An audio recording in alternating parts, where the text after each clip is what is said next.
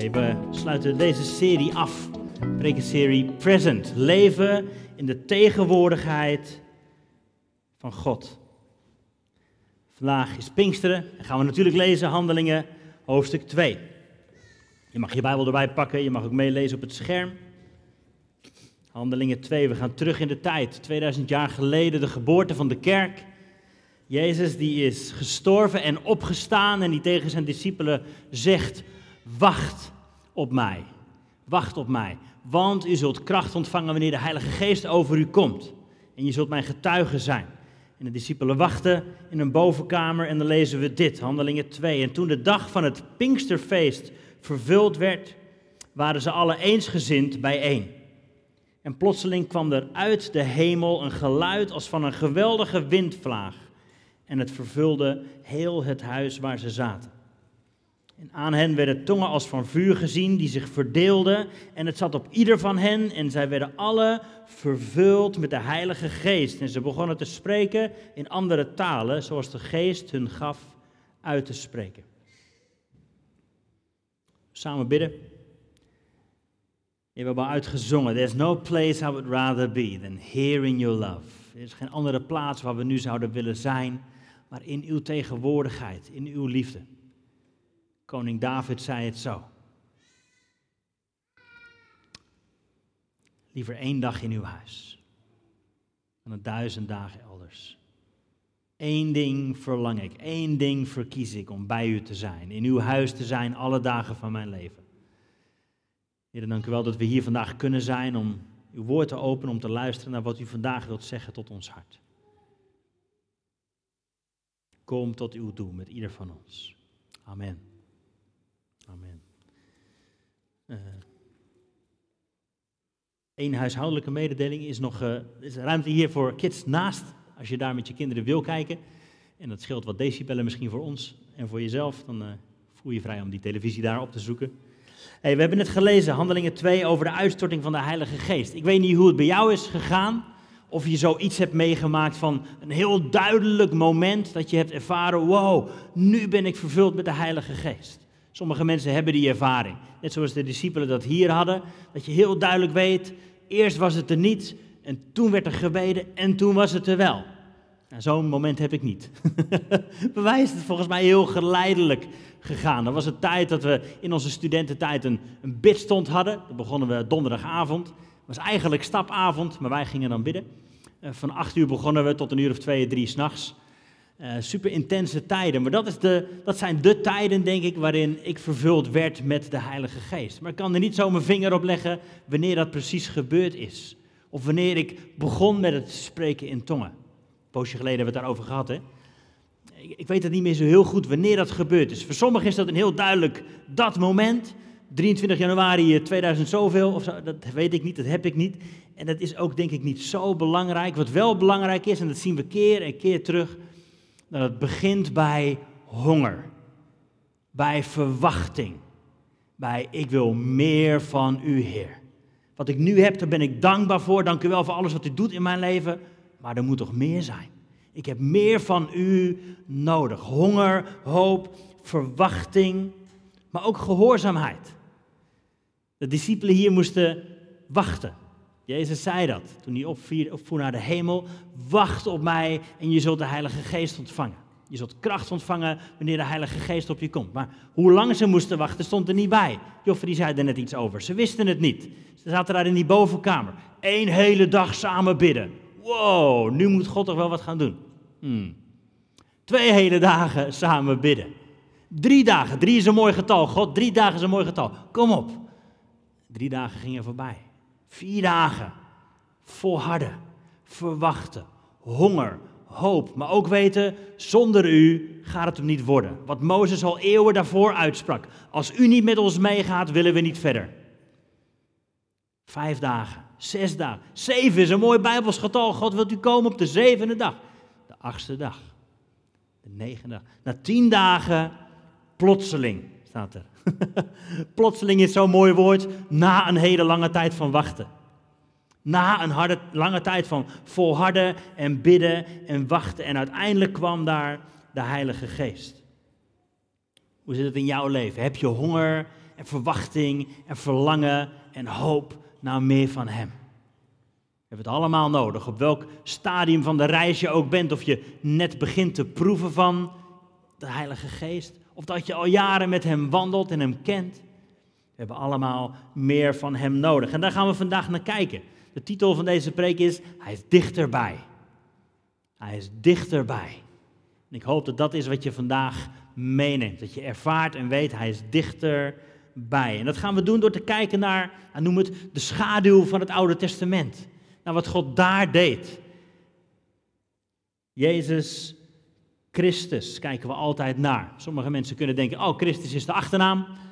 Christus betekent, dat weet je misschien, gezalfd. Messias in het Hebreeuws. Hij is gezalfd met de Heilige Geest, de gezalfde. Nou, in het Oude Testament gaan we kijken naar een paar typen of soorten mensen of bedieningen, hoe je het ook wilt noemen. We kijken naar de priester, naar de profeet en naar de koning. Dat zijn de mensen in het Oude Testament die gezalfd worden. De priester, de profeet en de koning. Daar gaan we naar kijken, naar de zalvingen van deze drie soorten mensen. We gaan kijken daarna hoe het allemaal samenkomt in de Heer Jezus. Maar daarna ook gaan we kijken hoe jij en ik in Jezus deze zalving hebben ontvangen. En hoe we dat mogen uitleven. Dus we gaan kijken naar nummer 1, de priester. De priester in het Oude Testament. Volgens uh, de meesten is het een van de twee oudste beroepen ter wereld, de priester. Die andere mag je zelf opzoeken. Leviticus 8, daar komen we tegen hoe de priester gezalfd wordt. We zijn bij het volk van Israël net bevrijd na honderden jaren van slavernij. Ze zijn de woestijn ingetrokken richting het beloofde land. Mozes is de grote leider, maar God heeft iemand anders aangewezen als priester. Dat lezen we hier. De Heer sprak tot Mozes: Neem Aaron en met hem zijn zonen, de kleding en de zalfolie de jonge stier van het zondoffer, twee rammen en de mand met ongezuurde broden. En roep heel de gemeenschap bijeen bij de ingang van de tent. En een paar versen later lezen we vers 12. Vervolgens goot Mozes de zalfolie op het hoofd van Aaron. En hij zalfde hem om hem te heiligen, om hem apart te zetten.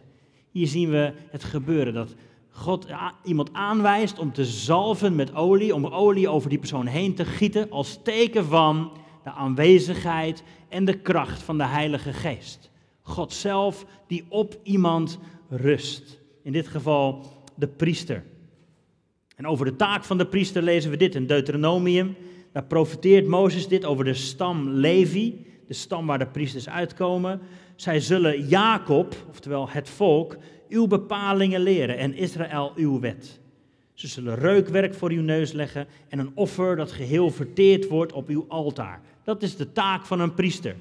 Oftewel, ze zegenen het volk door te vertellen over de wet, maar ze zegenen ook God door offers te brengen. En dat zien we de hele tijd gebeuren.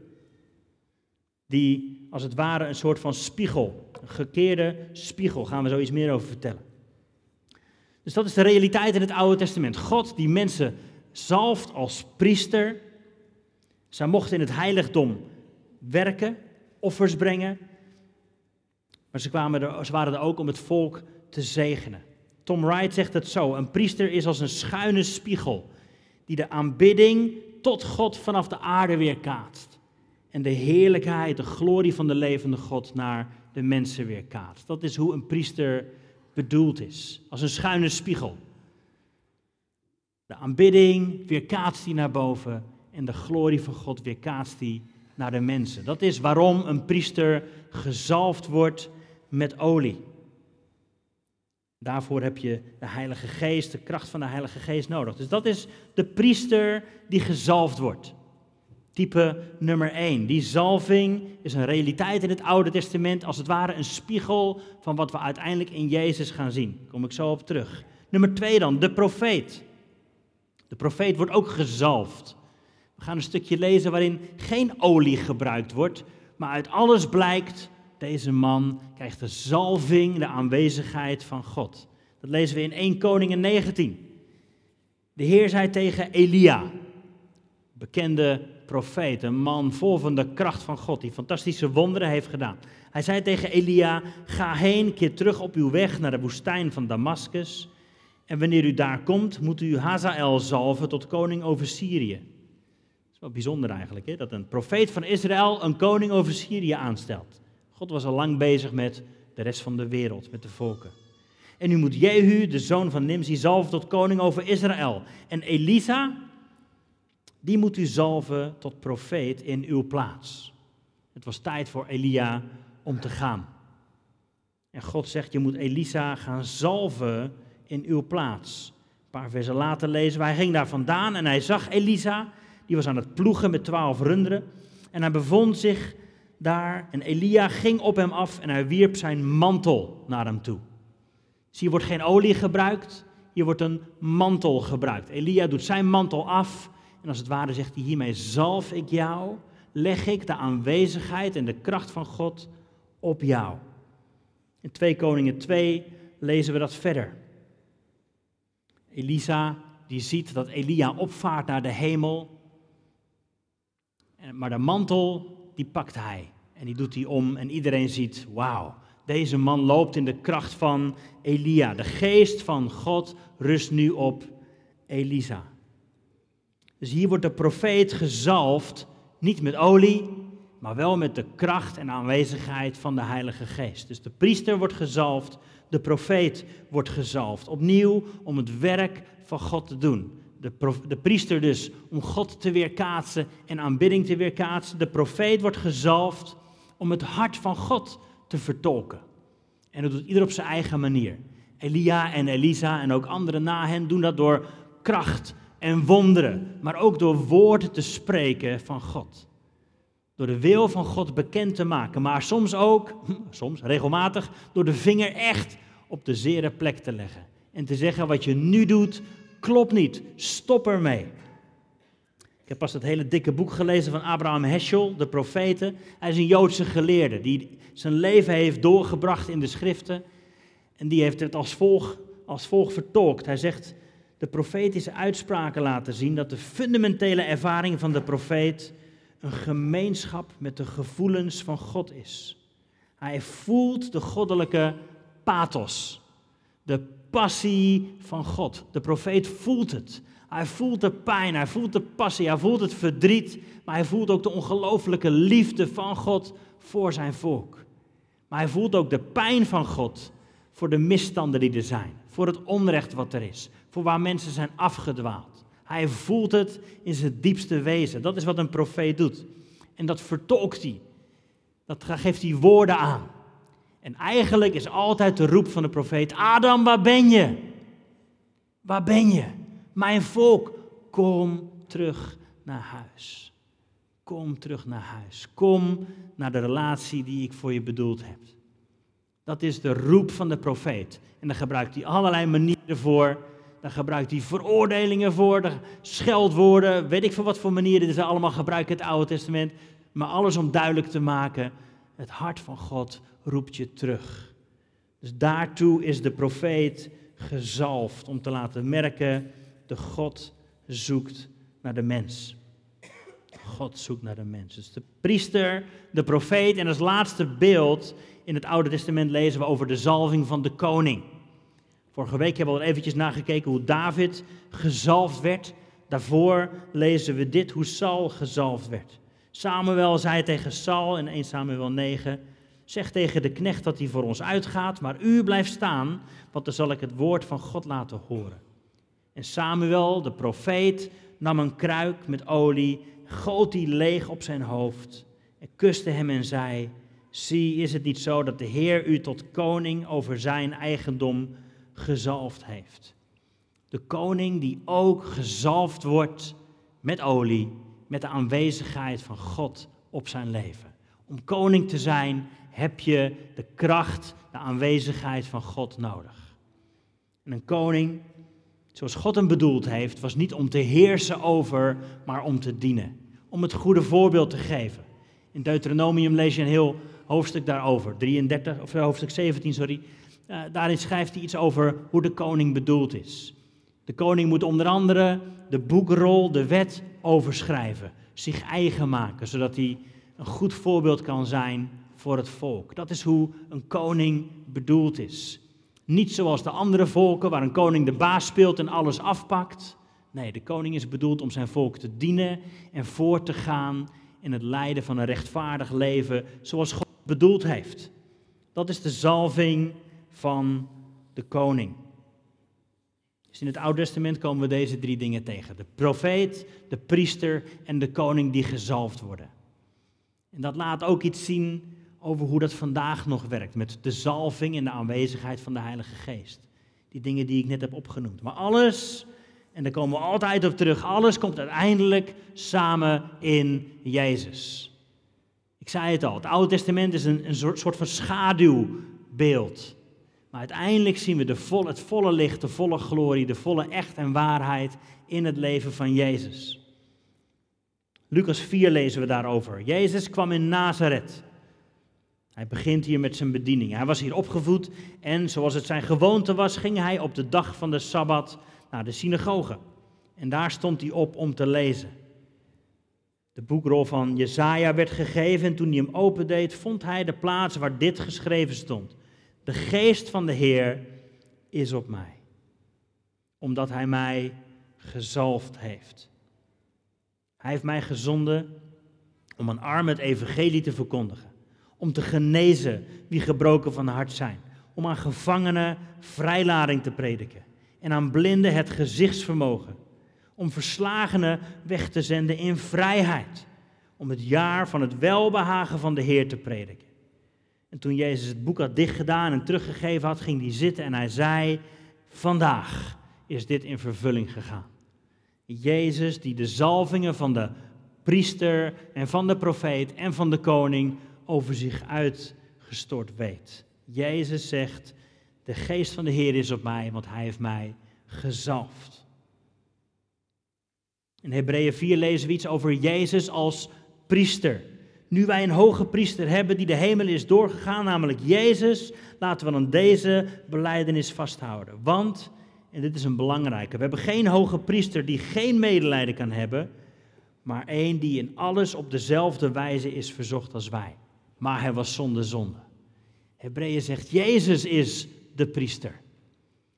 In Aaron zien we een voorafschaduwing, maar Jezus is onze priester, die het offer heeft gebracht voor onze zonde.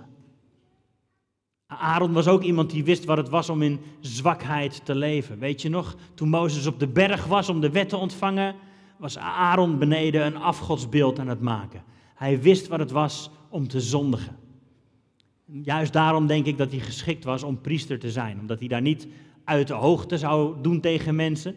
Ik weet het allemaal beter. Hij wist donders goed hoe zwak hij zelf was. Hier lezen we, Jezus is ook in alles verzocht, maar hij was zonder zonde. Hij is de perfecte priester. Jezus gezalfd als priester, maar ook Jezus als profeet. Deuteronomium lezen we dit in hoofdstuk 18. Ik zal een profeet voor hen doen opstaan, profeteert Mozes. Uit het midden. Ik zal mijn woorden in zijn mond geven en alles wat ik hem gebied zal hij tot hen spreken. Hier wordt al geprofeteerd dat Jezus, de profeet, zal opstaan. In Lucas 9 lezen we dat ook. Er kwam een stem uit de wolk, God zelf die zegt, dit is mijn geliefde zoon, luister naar hem. Jezus die als profeet het hart van God vertolkt. Als het ware kun je ook zeggen, het hart van God heeft vlees en botten gekregen, heeft een lichaam gekregen en wandelt op aarde en vertolkt het hart van God en roept uit, keer terug, kom terug. Jezus als profeet die de mensen terugbrengt bij God, die zijn wil bekend maakt. Maar ook Jezus als koning. Johannes 18, Jezus zei, mijn koninkrijk is niet van deze wereld. Als mijn koninkrijk van deze wereld was, dan zouden mijn dienaars gestreden hebben. Maar mijn koninkrijk is niet van hier. Paulus schrijft aan Timotheus, de zalige en alleenmachtige Heer, Hij is de koning der koningen en de Heer der heren. Jezus die de ideale, de ultieme koning is. En die dus ook laat zien dat een koning niet is gekomen om te heersen, maar om te dienen. Niet om gediend te worden, maar om voeten te wassen. Om mensen te brengen bij de troon van God. Dat is hoe de zalvingen van het Oude Testament, van de priester en de profeet en de koning samenkomen in Jezus. Jezus die gezalfd is met de kracht van de Heilige Geest en die nu deze taken op zich heeft genomen. God, maar ook mens. En hiermee gaat het bruggetje naar jou en mij. Want de priester en de profeet en de koning zijn niet alleen maar iets van het Oude Testament. Dat is ook een voorafschaduwing van hoe jij en ik nu in het leven mogen staan hier in Ede, 2022. Als priester, als profeet en als koning. Dat is waarom de Heilige Geest jou wil zalven. Om deze taken te vervullen. En net als Elisa, als het ware, die mantel op je te nemen en te zeggen: Dit is nu mijn identiteit. Dit is waarom God mij gezalfd heeft. Dit is een tekst waar we vaak bij terugkomen. Echt een kerntekst voor alle christenen, zeker ook voor ons als Connectkerk. U bent een uitverkoren geslacht, 1 Petrus 2. U bent een koninkrijk van priesters. U bent een heilige natie, een volk dat God zich verworven heeft om de grote daden te verkondigen. Van Hem die u uit de duisternis heeft geroepen naar zijn wonderbaarlijk licht. Dit is je identiteit. Dit is je identiteit. Als je op zoek bent naar je identiteit, zoek dan niet naar de dingen waar je goed in bent, of wat de mensen over je zeggen, of hoe je jezelf voelt. Dit is wie je bent. Een koninklijke priester. Je hoort bij zijn uitverkoren geslacht. Jij bent deel van een heilig volk. Je bent geroepen om zijn grote daden te verkondigen. Dit is waarom jij en ik gezalfd zijn. Jezus zei het al. Jullie zullen de kracht van de Heilige Geest ontvangen. Dat zei hij toen tegen zijn discipelen daar en dat zegt hij nu tegen jou en mij. Jij zult kracht van God ontvangen als de Heilige Geest over je komt. Waarom? Om zijn getuige te zijn. Om te wandelen in de zalving van de priester, van de profeet en van de koning. Om te wijzen op Jezus. Jij en ik als koninklijke priesters, als profeten, als volk van God. We zijn geroepen om Hem te aanbidden en om van Hem te vertellen. Als de priester. We zijn geroepen om Gods hart te vertolken en mensen terug te roepen naar Hem. Op wat voor manier dan ook. Daar mag je creatief in zijn. God wil jou anders gebruiken dan mij en dat is oké. Maar hij wil je gebruiken om mensen terug te brengen bij het hart van God. Maar ook om als een koning te leven. Niet als in, zie mij ik heb recht op alles, maar om te komen om te, als een dienaar naar de mensen om je heen. Zo'n mooie sleutel voor op je werk. Hoe kun je als koning daar leven? Ga mensen dienen. Ga mensen dienen. En ze laten zien hoe ze kunnen leven als kind van God. Daarom wil God jou zalven met zijn Heilige Geest. En soms gebeurt dat met olie, dat doen we hier ook wel eens. Dat we heel fysiek olie op mensen smeren als teken van de aanwezigheid van de Heilige Geest. Maar dat hoeft dus niet per se. In het Oude Testament zie je dat ook gebeuren, het Nieuwe Testament ook. Ook zonder olie wil de Heilige Geest op je komen. Om je te zalven, om je kracht te geven, om te leven als een priester, als een profeet en als een koning. En daarom ook de titel Dichterbij. Dichterbij. Het zijn niet alleen maar de verhalen van toen en daar. Zijn niet alleen maar de verhalen van de enkeling hier misschien in, in de wereld die iets bijzonders doet. God komt dichterbij. God wil in je wonen. God wil in jou zijn werk doen. Hij is niet ver weg, hij is dichterbij.